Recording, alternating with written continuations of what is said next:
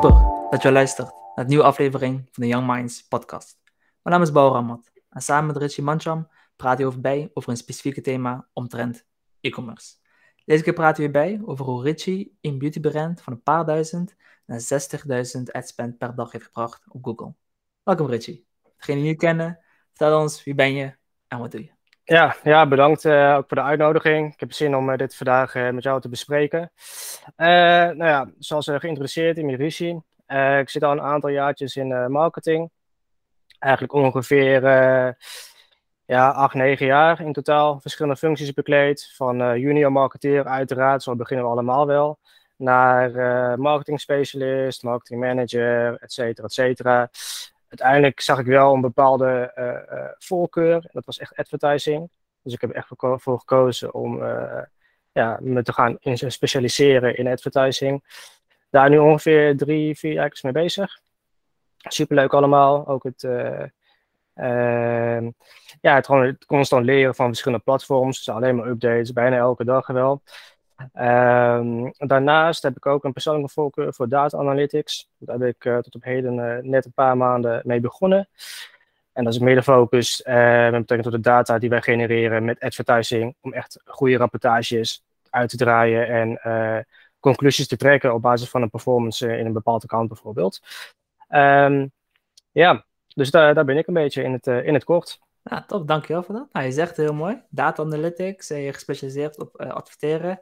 Ja. En dat moet ook wel, als je 60.000 uh, eh, per dag, uh, of per maand moet ik zeggen, uitgeeft. Dat is niet niks, hè?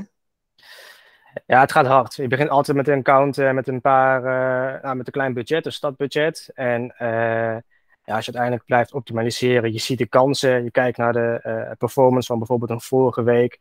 En dan denk je van, oh, oh, dat vind ik best wel goed. En dan probeer je zeg maar, het budget langzamerhand te verhogen. Blijft goed gaan. Ja, en dan kom je opeens op 60.000. Uh, dus het kan heel snel gaan soms. Dat is wel, uh, ja, wel leuk eigenlijk in het vak. Ja. En wat denk je, is dat het plafond of is er nog een uh, verdere stap die je kunt nemen? ik heb wel de mentaliteit dat het nooit het plafond is. Dus stel het gaat gewoon heel goed met een bedrijf. Stel we gaan van 60 naar 100k. En het gaat gewoon super goed in het algemeen. Uh, dan kan je ook altijd gewoon extra producten introduceren. Het, je vergroot het bedrijf. Dus dan ga je gewoon samen met de eigenaar in gesprek van... hey, dit is uh, wat we nu genereren als bedrijf zijn. Wat zullen we hier daarna gaan doen, zeg maar. Dus uh, ja, er, zijn, er, er, is geen plafond voor mij. dat is een goede mentaliteit die ook bij je mensen hebben. Ja. Gesproken over groei. Je hebt ook samengewerkt met een Google Accelerator team. Ja. Hoe, hoe was dat? Hoe dat geholpen? En misschien kan je daar iets over vertellen. Ja, dat was uh, heel interessant, is interessant. Um, nou, in het algemeen, denk in het algemeen de marketeers en de advertisers kennen wel de supportlijnen van Google. Je hebt Google Support, je hebt account managers en de Accelerated Growth uh, team. Dus ik zie ook wel heel veel overlap tussen die, tussen die drie teams in principe. En uh, je ziet ook vaak genoeg op LinkedIn van slechte service en uh, ik heb helemaal niks aan gehad, weet je wel. En heel weinig vertrouwen in eh, eh, wat het advies is. Um, maar het Accelerated Team, dat is wel echt een, ehm, een heel interessante samenwerking. Dus dat is ook echt een samenwerking wat je aangaat. En uh, nou, de account moet wel gewoon groot genoeg zijn. Het ligt echt in, in een paar tienduizend euro per maand, omdat je dan echt een start-up hebt. Je moet acceleraten in principe. En met Accelerated Growth Team werk je gewoon samen. Dus uh, je kan gewoon elke week een call inplannen. Je gaat samen brainstormen. En zij creëren voor jou een soort van uh, stappenplan voor de eerste drie maanden bijvoorbeeld. Van hey, laten we zo het account groter maken. En het is echt een project wat je in principe begint met uh, Google. dus heel super gaaf is dat. Het, het voelt echt als een teamverband. ja. Ah, goed toch. En hebben ze ook echt geholpen aan de campagnes en aan de, aan de ad spend? Ja, dus in principe wij zelf, uh, of ik zelf, doe dan eigenlijk gewoon uh, echt het uitvoeren van, of het, het draaiende knoppen in principe in het account, uh, met natuurlijk mijn eigen specialisatie. En zij geven een soort van canvas van, hey, laten we dit eerst in week, eerst week 1, 2 en 3 doen, dan doen we dat in week 4, 5 en 6. En um, ja, dat wordt ook altijd gecheckt. Dus hoe gaat het met het account aan de eerste twee weken, naar de eerste vier weken? En eventueel wordt het canvas dan ook gewoon een beetje aangepast. Maar uh, het is echt een roadmap wat je hebt. En op basis daarvan uh, optimaliseert het account. Ja. Nu hebben we nieuwsgierig gemaakt. Je zegt canvas. Ja. Wat was de strategie en uh, hoe is het opgeschaald? Ja, exact. Ehm, nou, het begint altijd gewoon heel simpel. Dus het account moet gewoon schoon zijn. Dus geen policy issues, account verificatie, al die kleine dingen, de tracking, dat moet gewoon allemaal in orde zijn. Anders heeft het geen zin om te optimaliseren. Dus dat is echt gewoon de eerste check uiteraard. Dat zou eigenlijk voor iedereen moeten zijn, naar mijn mening. Um, ja, en dan begin je eigenlijk heel simpel. We hebben het nu over, nu over een e-commerce website. En um, je begint heel simpel met een zoekcampagne, waar je voornamelijk gewoon heel veel brede zoekwoorden gebruikt. En een performance max campagne. En in die performance max campagne, daar zit je gewoon, maak gewoon één doelgroep aan met uh, ja, zoveel mogelijk directe intent uh, uh, targeting in principe. En um, nou ja, met, je, met je zoekcampagne zet je alleen maar brede zoekwoorden in, wel gewoon wat gewoon gerelateerd is aan het bedrijf of aan het product. Um, wat ik zelf had gedaan is, ik had de zoekcampagne had ik wel op max clicks gezet. Dat doe ik eigenlijk altijd met een nieuw, een nieuw account of een nieuw type campagne met een nieuwe productgroep. Want je wilt gewoon ervoor zorgen dat er gewoon heel veel verkeer naartoe gaat. In de eerste twee, drie dagen maar, hoeft niet meer te zijn. Maar dat we in ieder geval gewoon data hebben en Google snapt van, hey, er is gewoon een nieuwe campagne, laten we dat nu gaan analyseren. Want ik merk wel, als je een campagne meteen zet op max conversions, max CPA, dat werkt gewoon niet. En soms lopen campagnes helemaal niet na een week, zeg maar. Um, ja, dus dan ga je in principe van max clicks naar max conversions. En uh, dan is altijd heel vaak de vraag, ik denk dat wij ook vaak genoeg meetings hebben gehad, van uh, wat wil de klant? Willen zij echt heel erg kijken naar hun ROAS en hun CPA? Of willen ze gewoon echt de hele markt gaan pakken? En dat ja, als advertiser heb je daar gewoon geen controle over. Het ligt echt aan de verwachtingen die je moet stellen met de eigenaar. En stel de eigenaar zegt van weet je wat, ik wil gewoon, ik wil gewoon winnen tegenover mijn uh, concurrenten. Probeer zoveel mogelijk uh, verkeer uh, te pakken, maar niet een extreem verlies te leiden uiteraard. Dat, kan natuurlijk ook niet. Maar dat je gewoon, dus, dat je gewoon de, de doelstelling gewoon vaststelt. en ehm, dus we hebben het best wel lang op max conversions gehouden. Best wel lang. De CPA en de ROAS nog even genegeerd voor de eerste maand eigenlijk wel. En um, op een gegeven moment merk je zeg maar een stabilisatiepunt. Dat je elke maand opeens uh, dezelfde aantal conversies binnenhaalt, dezelfde uh, ROAS. En um, ja, dan is eigenlijk de switch naar maximize conversion value. Of het instellen zoals van een ROAS, dat ligt ook aan de klant. Dus dan, is, dan komt de vraag van, hey, het account is stabiel, wat gaan we doen? Gaan we nog groter inzetten met een mega budget en die ROAS gaat zelfs omlaag? Of wil je zeg maar uh, meer conversies, maar wel proberen om diezelfde ROAS te behouden? Want als je die ROAS wilt behouden, dan ga je eerst over naar een CPA. En ja, uh, ja dan ga je naar een CPA en uh, daarna probeer je voorzichtig die ROAS in te stellen. Maar stel de klant zegt van, ja, ik wil gewoon meer volume en ik wil mijn CPA en mijn ROAS inleveren dan kan je gewoon naar maximize conversion value gaan, zonder een ROAS in te stellen. Dus je zegt heel mooi, je moet eigenlijk beginnen te kijken van, oké, welke strategie wil je? Wil je ja. maximale winstgevendheid? Oh. Wil je hoog volume en mag gewoon winstgevend blijven, maar iets minder als eerste? Of wil je gewoon maximaal uitgaan en nou, break-even is het doel, maar gewoon zo groot mogelijk formule, uh, volume uh, eruit halen? Ja. En dan zeg je dan, het verschil daarin is gewoon hoe snel je opschaalt, uh, welke biedingsstrategieën je gebruikt en hoe je dat neerzet. Dat is ja. een mooie inzicht. Want is dat een van de veelgemaakte fouten dat mensen maken? Dat ze gewoon niet eens weten wat hun doel is voordat ze beginnen met Google Ads? Of hoe, hoe moet dat in? Nou ja, ik weet nog heel goed toen ik begon met Google, uh, met Google Ads dan. En um, ik had meteen de perceptie van, ik kijk helemaal niet naar het optimalisatiescore. Ik wil geen automatische instellingen inzetten van Google zelf. Want ik kan het lekker zelf wel. En brede zoekwoorden is gewoon slecht voor mijn bedrijf. Ik wil gewoon exacte zoekwoorden uh, instellen en weten waar ik op adverteer. Dat is zeg echt de eerste mindset. Um, wat ik wel zie is, uh, het is sowieso het best om in de eerste paar maanden gewoon breed in te stellen. Want uh, je, je genereert gewoon heel veel verkeer. En uh, het is gewoon actief adverteren en optimaliseren. Dus met het verkeer wat je binnenhaalt, is het wel gewoon negatieve zoekwoorden zo vaak mogelijk updaten. Uh, A-B testen met je, met je uh, advertenties en zo. En ook natuurlijk met campagnes.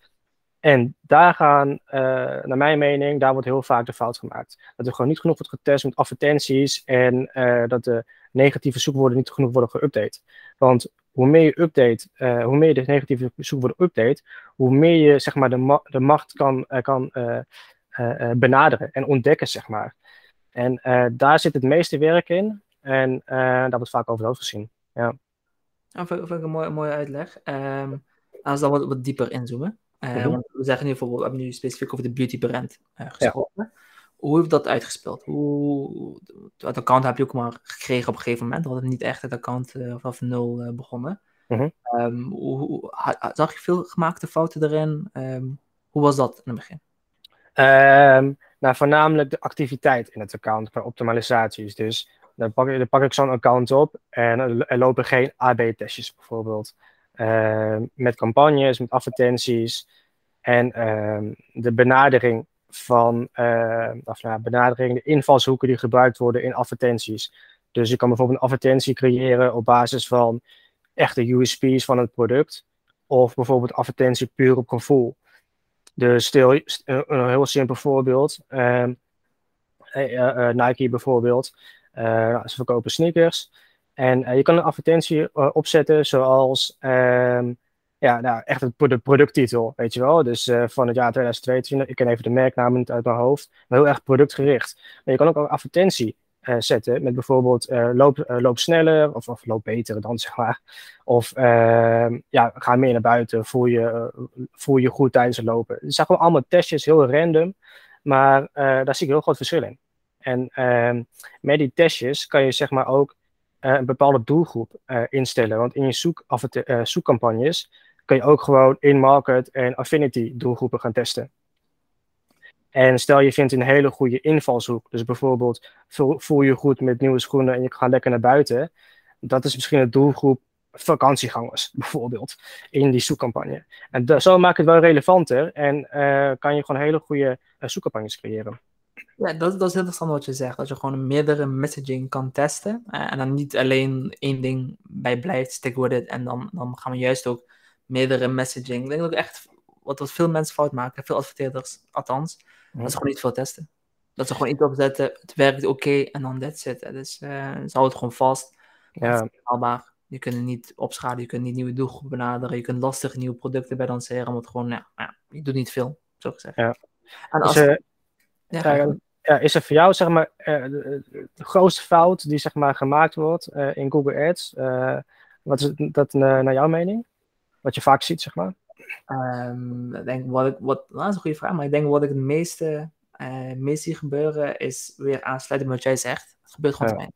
Ze hebben alleen een search. Ze hebben misschien een search en een shopping en zetten het aan en dan drie weken gebeurt er niks en dan drie weken, oh ja, doe maar wat dingen uitvoeren. Ik denk het verschil tussen uh, nou ja, uh, echt een fout en je doet te weinig is als jij niet elke dag een account iets doet eigenlijk. Als je niet elke dag op zijn minst een account even bekijkt en misschien al iets optimaliseert als het ware. Dus dat ik veel gemaakt fout is gewoon, duurt gewoon te weinig. 100%, uh, ja. Vind ik, dan begrijp ik het ook wel, want ja, als je budgetjes doet, dan zie je 50 euro per dag of een paar tientjes per dag. Je kan niet echt iemand die fulltime opzetten. Je kan niet echt iemand überhaupt een uur per dag voor opzetten, want ja, het is gewoon te weinig spend. Dus aan de ene kant denk ik, ander gemaakte fout is gewoon te weinig adspend. Uh, ja. Met een paar tientjes, zowel Google leert weinig, zowel de adverteerder uh, leert ook heel weinig. Uh, ja. zou zeggen van die spenden mogen. Ik denk wat Google zelf zegt, zegt 10 keer de CPA. 10 keer CPA zie ik bijna nooit terug. Zeg maar, ook gewoon de kleine bedrijven, de start-ups, die zijn gewoon heel bang om keer 10 uh, de CPA in te stellen. Dat is gewoon heel veel geld uh, voor sommige ondernemers. En dat is wel vaak de uitdaging. Ja. En hoe, hoe zit jij buiten het platform om? Bijvoorbeeld de beauty-merk, -huh. Mhm. op Google Ads geadverteerd. -huh. Maar de website is belangrijk, product is belangrijk, de actie is belangrijk. Hoe heeft dat een rol gespeeld bij nou, succes van het merk? Ja. ja, dus ik kom ook altijd uh, meteen terug naar de data-analyses die ik dan doe. Dus ik ben dus bezig in Google Ads aan het optimaliseren en uh, kijk een beetje de resultaten. Dan heb ik altijd gewoon een fase waar ik gewoon kijk naar het gedrag van, van gebruikers op de website en de demographics van, van degene die een, die een bestelling hebben geplaatst. En uh, dat is vaak mijn uh, insteekpunt. Daar begin ik vaak mee. Van oké, wie heeft er gekocht? Wat is de gemiddelde aankoopwaarde? Um, welke producten zijn gekocht? Dus in principe, wat zijn de bestsellers? Hoeveel impact heeft een bepaalde sale uh, gehad op de resultaten van begin tot eind? En met die data kijk ik eigenlijk naar, um, naar hele simpele conversieratio's. Dus bijvoorbeeld hoeveel mensen doen product A in de winkelmand en gaan door naar het invoeren van je payment info bijvoorbeeld. of aan de tweede of derde pagina. Dat verschilt ook wel een beetje per account of per website. En daar zie ik al heel vaak, hoe zeg je dat? Um, maar daar kan ik heel vaak een, conclusie uittrekken. Dus stel ik zie dat iemand, dat er heel veel visits zijn, heel veel bezoeken op een bepaald product, maar niemand voegt dat toe aan een, bedrijf, aan een, winkelmand. Of niemand gaat door met de betaling. Dan ligt het of aan de productpagina, of er is iets met de prijs, en, uh, of er is iets met de, het proces van betaling, zeg maar. En dan ga je echt naar de website toe, probeer een beetje te benchmarken met uh, concurrenten. En uh, daar komen gewoon altijd tips uit. Want uiteindelijk wil je de conversieratio verhogen per product. Om zo zeg maar je bedrijf te laten groeien. Ja. En hoe, hoe, vaak kijk je naar?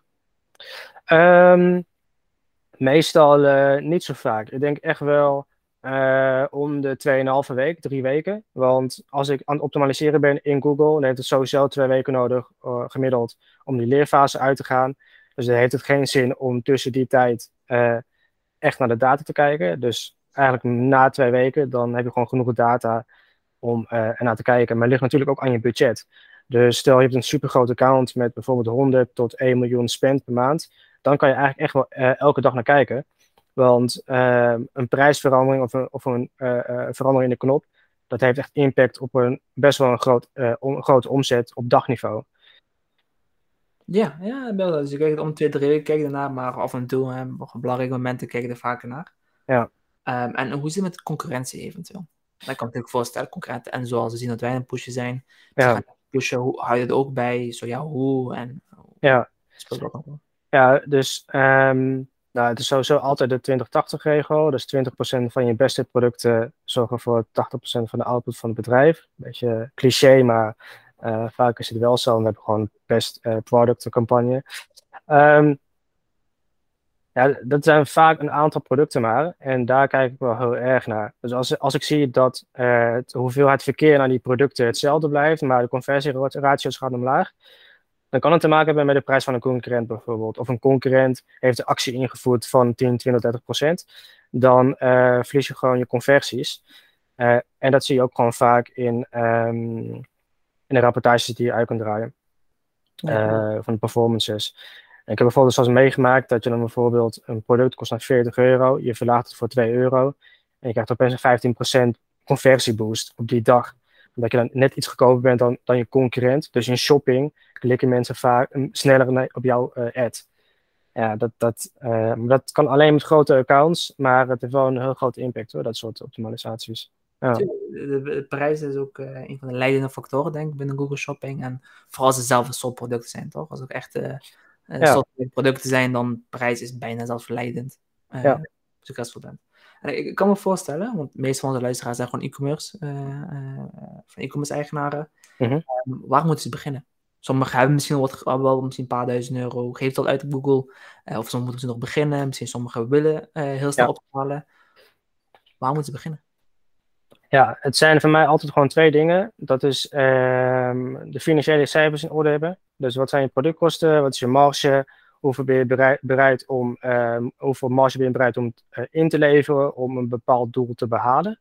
Dus bijvoorbeeld over aantal orders bijvoorbeeld, um, of iets dergelijks. Het tweede is de uh, uh, market price fit.